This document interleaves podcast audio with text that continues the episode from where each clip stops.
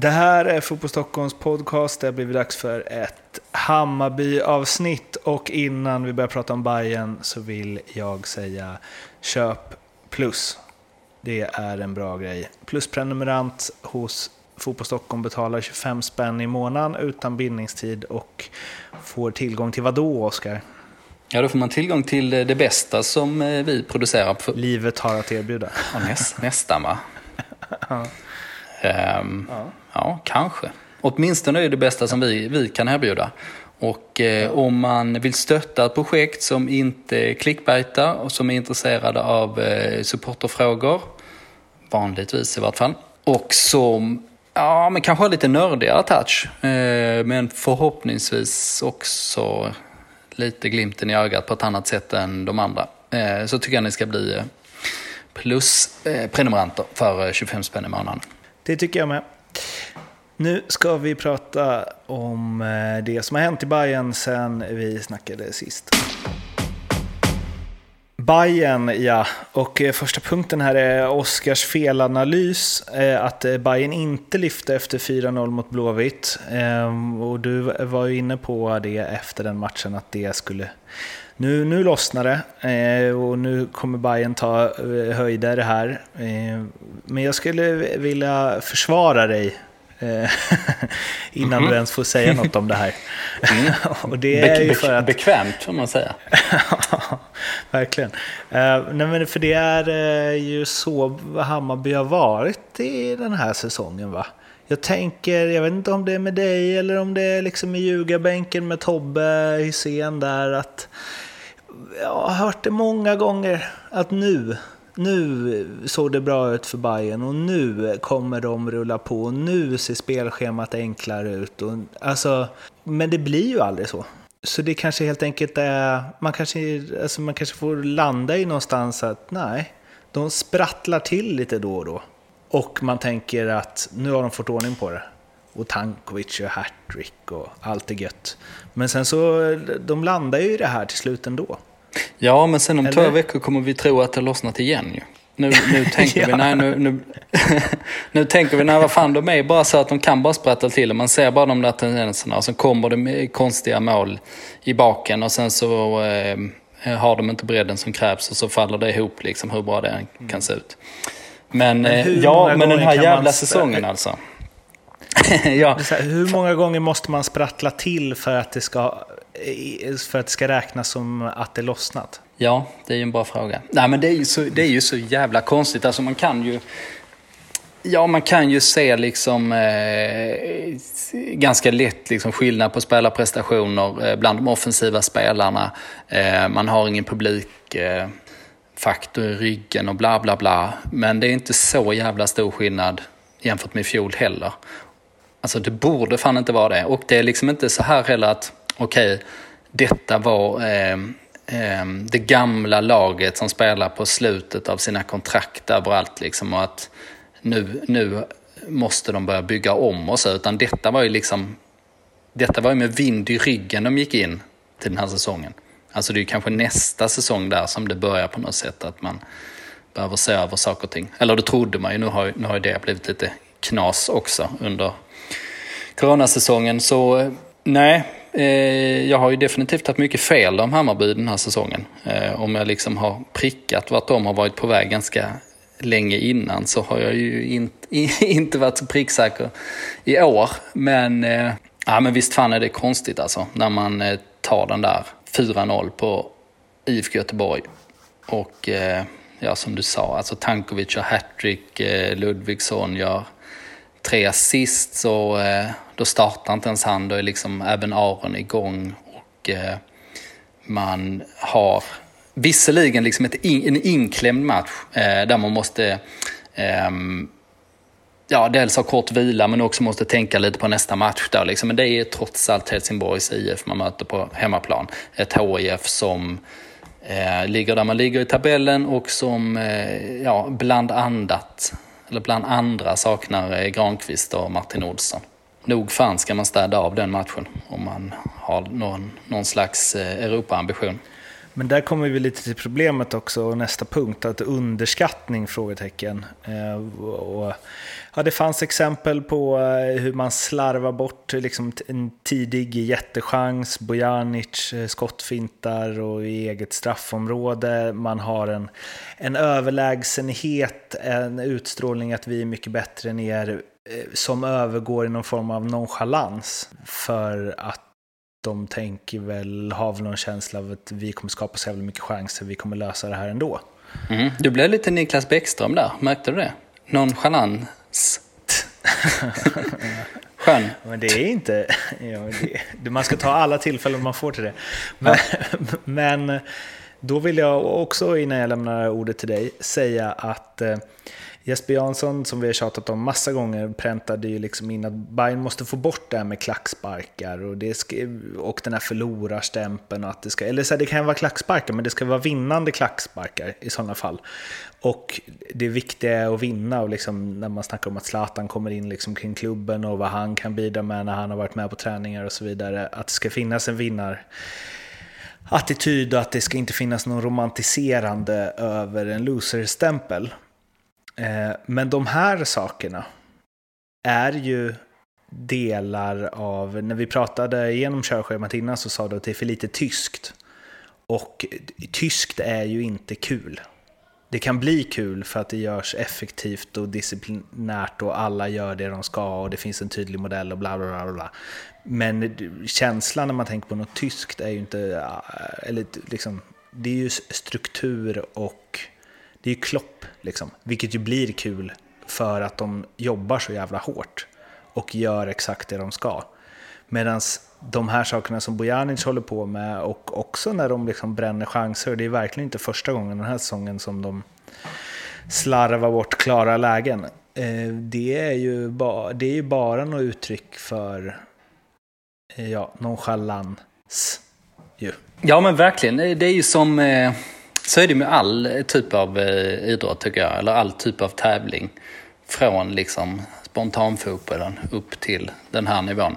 Att om man brukar allvar i grunden så kan man lägga på kul. Men om man bara vill börja med kul så blir, kan det ju bli så här på något sätt. Alltså om vi drar det här resonemanget till sin spets. Jag, jag tänkte fan det, alltså när de spelar fram till Alltså ett jättefint anfall eh, i början eh, som avslutades, avslutades med att eh, i och med att Khalili fick ett öppet läge från ja, slottet verkligen. Perfekt avslutsläge som egentligen passade till målvakten. Alltså helt misslyckat avslut så som det blir. När, när Imad Khalili missar sina avslut så är, ser de ju ut sådär. Men det var liksom, bollen gick som på ett snöre och Hammarby visade, men bara om vi passar runt lite här så kommer vi spela fram till de här lägena. Och som du sa när Bojanic skottfintade i eget straffområde. Så. Då var det som att man började med kul på något sätt. Och mm. man hade inte allvaret. Och då blir, det, ja, men då blir det ofta så här liksom att när man inte får utdelning så blir det lite okoncentrerat och eh, inte tillräckligt distinkt. Och då är det liksom svårt, att, man, svårt att ta sig ur det där. Då, om man då släpper in ett mål, då är det inte kul längre.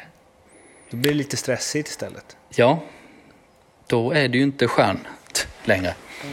Över, överhuvudtaget. Nej, det var ju det man såg, alltså de här målen som man släpper in, eh, som Billborn eh, var smått eh, galen på efteråt. Alltså fruktansvärda mål kallar han det ju och det, ja, det var det ju också. Alltså från, ur ett tränarperspektiv så är väl det där det värsta man kan tänka sig. Alltså att man eh, gör sådana uppenbara försvarsmissar där man liksom egentligen inte är under någon större press.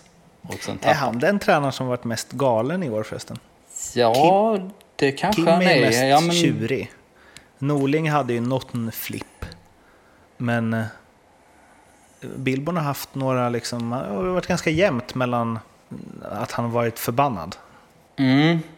Sen är ju Billborn, han kan ju vara liksom jävligt, eh, vad kan man säga, han är liksom drastisk i sitt språk. All, alltså han gör lite en poäng av det ofta. Alltså som när han vill hoppsparka någon. Mm. Eh, så jo, men han har, han legat rätt högt på den, eh, den skalan där.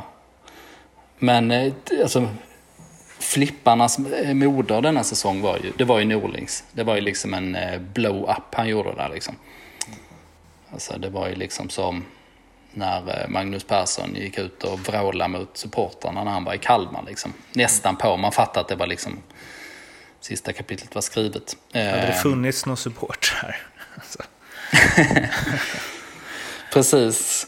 Ja, nej, så den, eh, vi kommer väl till de målen, men vi hade ju också ett, eh, ett lag på slutet som gjorde det svårt att det skulle vara kul för Hammarby, kan man väl trots allt konstatera. Mm. En oerhört eh, oväntad och kreativ trea som kom in i Amo, Andersen och Rodic. Och sen ja, precis. på högerbacken. Precis, de tre låg ju bakom Aron Johansson där på topp.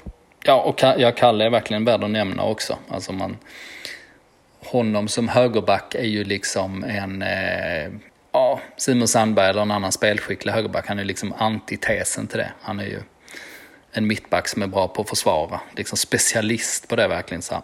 Men eh, ja, då undrar man ju lite vad eh, eh de sysslade med på tränarbänken när eh, den här trion skulle spela offensivt. Men det fick ju sin förklaring då efter att, att när det visade sig att eh, både eh, Gustav Ludvigsson och Paulinho var småskadade var liksom inte, inte tillgängliga. Och då fanns det ju kanske inte så mycket mer att, att spela med. Och då blev det ju, eller ja, det var ju inte deras fel, det var ju att de inte, det, det hände ju innan det, men vi var inne på det, fruktansvärda mål. Eh, och Billborn var arg, eh, framförallt på mål nummer två Eh, för eh, varför var han arg på det, Oskar? Ja, det är man automatiskt som tränare för att eh, alltså, försvarsspelet handlar om att täcka, ticka ytor eh, i uppställt spel. Eh, var, man, var vill man inte ha bollen? Och om man då eh, släpper en passning från liksom djupt från motståndarnas planhalva, en passning som går längs med marken till och med som eh, går mellan mittbackarna och som sen en pass senare är liksom en passning fram till ett mer eller mindre givet mål. Då är man ju inte så glad såklart. Så det var ju en eh, eh positionsmiss som heter duga. Men, eh, men ettan för mig är nästan värre försvarsspel. Varför då? Ja, det... Ska vi har... hänga dem en efter en? Ja, vi får nästan göra det. Va? Fällman går upp på kanten, går bort sig helt. Han har gjort det några gånger den här säsongen. Liksom, totalt sett har han ju varit eh, ja, men rätt stabil tycker jag. Men han har gjort eh, ett, några sådana här aktioner. Och sen så när han går bort sig då är det ju Tim Söderström som ska täcka upp. När Helsingborgs eh, Anthony van den Hurk kommer på kanten. Eh, Söderström som inte har sin styrka i defensiven, han spelar vänsterback nu, fångar inte upp den och eh, det är en rätt klar miss. Och sen i mitten är det Simon Sandberg som försvunnit lite ur analysen va, men eh, Ja, det är nästan mitt största frågetecken. För om det är något man ska göra som eh, försvarsspelare eller som spelare i försvarsposition så är det ju att markera eh, en motståndare som är omarkerad. Framförallt om man inte markerar någon annan istället. Mm, du skulle haft den lilla taktikgenomgången med Simon i det här fallet. Nej, den, är, ja, den är svår att förstå faktiskt. Alltså för att, eh, han, han, ligger, han är lite på efterkälken där. Max Svensson finns i mitten av straffområdet. Men det finns liksom en spelare eh, i straffområdet. Eh, eftersom det är en kontring så är det liksom, ja, där är inga andra. det finns bara en gubbe som Hurk kan spela in på. Och eh, Sandberg har gott om tid att komma dit. Alltså, Max Svensson tar en löpning mot första stolpen. En ganska bra löpning men Simon Sandberg kan ju vara, kan ju vara där. Och och om han inte förhindrar det så måste han åtminstone vara i närheten och det är han inte. Så ja, ett frågetecken där minst sagt. Ehm, och eh, mm, när det följdes då av ytterligare ett mål med den här typen av försvarsspel då eh, fattar man att Stefan Billborn är på det humöret som han är efteråt. En annan sak som Stefan Billborn kanske kliar sig lite i huvudet över i alla fall är ju Tim Söderströms briljanta offensiv kanske han inte kliar sig så mycket i huvudet eh, för. Men den är ju, eh, eller var man än sätter Tim så är ju hans frejdighet, eh, ja den är ju bra men den kommer ju också med ett frejdigt försvarsspel och det är sällan bra. Ja, den är, eh, är lurig. Vi har varit inne lite på det när vi analyserade Tim tidigare. Men jag tyckte den här matchen, jag tyckte han var den bästa spelaren. Ja, bäst på plan i första halvlek. När han... Men. eh, Som Ja, Marcus men- Holmgren hade sagt. Ja, när han spelar med det här självförtroendet, att han kom förbi. Han har ju så otroligt jävla klipp i steget. Men det ska man ju försvara också. Och det är inte så jävla lätt för honom att gå in som vänsterback. Men han har ju problem där och det är lite problem på andra kanten också. Och han ser ju sig själv som en innermittfältare i, i första hand och det var ju därifrån eh, han kom när eh, Hammarby tog honom från Brommapojkarna. Men eh, där är han ju inte riktigt rätt typ för eh, Hammarby och sättet de spelar på. Alltså i och med att han har sin styrka i den här löpst, eh, löpstyrkan och eh, ja, allmänna frejdighet och Hammarby liksom har kanske ett större behov av eh, bollflyttare på mitten. Så eh, är det lite, lite svårt att få in honom där. Alltså om man tänker på skillnaden på honom och Bojanic till exempel i eh, beslutsfattande är ju rätt stor. Vad det gäller de här situationerna som dyker upp ofta i Hammarby så eh, Dribblingar i eget straffområde och så vidare. Mm, precis. Bojanic var ju bra igen får man säga. Han har ju hittat formen. Men eh, nej, jag har väl egentligen inget svar på det här med Söderströmen. Mer än att eh, vi har ett dilemma som jag tror kommer fortgå. Man får ta det go- goda med det onda, eller om det är tvärtom. Där är ju spännande ju att man, eh, eller det är inte ett dugg spännande, men vi kan ju bara konstatera att om man ska ta det goda med det onda när det gäller ytterbackspel så väljer man ju som eh, objektiv eh, åskådare alltid frejdig offensiv och frejdig defensiv istället för ofrejdig offensiv och ofrejdig defensiv. Det gör man nog. Man har Så- då ett omvänt tränarperspektiv kanske. ja, precis. Eh, nu väntar Europaspel. Det är Les Poznan som Bayern tar emot på Tele2 och polackerna ska ge sig på konstgräs, vilket de ju inte är speciellt vana vid och det är väl en eh, jättefördel när, i alla fall när styrkeförhållanden mellan lagen inte är större än vad den är. Ja, eh, Lech Poznan spelar ju på eh, naturgräs. Alltid annars. Så eh, ja, det, det borde definitivt vara en faktor. Och för Hammarby är det ingen snack om att man ska försöka ta kommandot och spela på sina styrkor. Som tro- trots allt finns där. Vi har inte upp det. Dock saknades ju Tankovic och Bojanic på träningen eh, senast. Och om man nu ska spela på sina styrkor så är ju det två, två av styrkor. Eller två spelare som är ganska viktiga för att få fram Hammarbys styrkor. Ja, det får man säga. Nu sa Stefan Billborn på en presskonferens nu nyligen, som han höll här nu efter träningen på Tele2, att eh, både Tankovic och Bojanic var aktuella. Men eh, det är ju klart att det är eh, ett gränsfall när man inte kan träna alls eh, dagen innan. Alltså, även, även om man vilar så är det kanske, ska det kanske rätt mycket till för att man är 90 minuter spelare i vart fall. Ludvigsson, Paulinho var med och körde, men är ju kanske inte heller helt säkra. Så det är väl, eh, ja alltså de fyra namnen, om man radar upp dem, så är det ju rätt uppenbart att deras, deras vara eller icke vara kommer att kasta om oddsen rätt mycket i den här matchen. Två av fyra känns det ju åtminstone som Hammarby måste kunna starta med för att ha en bra chans i den här matchen. Vid sidan eh, av den här matchen då, så eh, nu är det ju eh, publikfritt på arenan. Senast som Lesch Lech Poznan var i farten i Stockholm så fick ju, eh, ja det var väl mest eh, papperskorgarna som fick sin törn. Dock inte av Lech Poznan-fans. Nej, det var AIK-supportrarna där. Ett gäng unga arga män eh, som var mycket, mycket upprörda över en papperskorgs existens. Eh, ett klassiskt klipp, får man säga. Men ja, nej, tyvärr var det väl inte bara den där papperskorgen som fick stryk då heller. För att det var ju riktigt eh, obehagliga scener där utanför Råsunda. Jag vet inte, var du där eller? Nej, det var jag icke. Okej. Varken som journalist eller slagskämpe då, Nej, jag. nej, jag hade min egen papperskorg i kvarteret att ta hand om. Mm, men det är inget, eh, det är väl, det tillhör inte de liksom snällare supporterskarorna får man väl säga, Lech Poznan. Åtminstone inte en viss eh, falang där.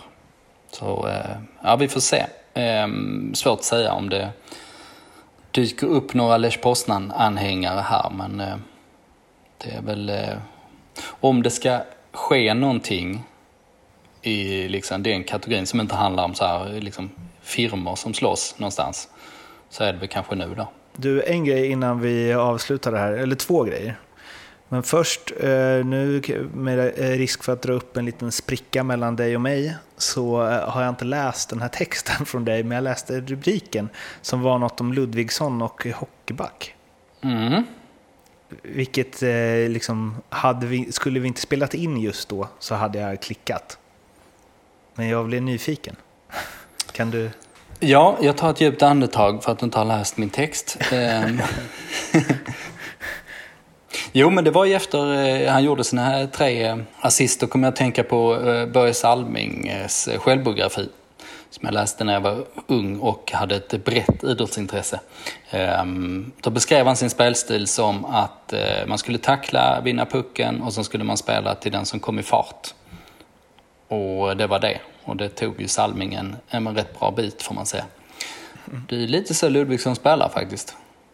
Det är framförallt så han spelade i det här inhoppet. Tackla, vinn boll, sätt den på gubbe i fart, vilket var Tankovic gånger tre.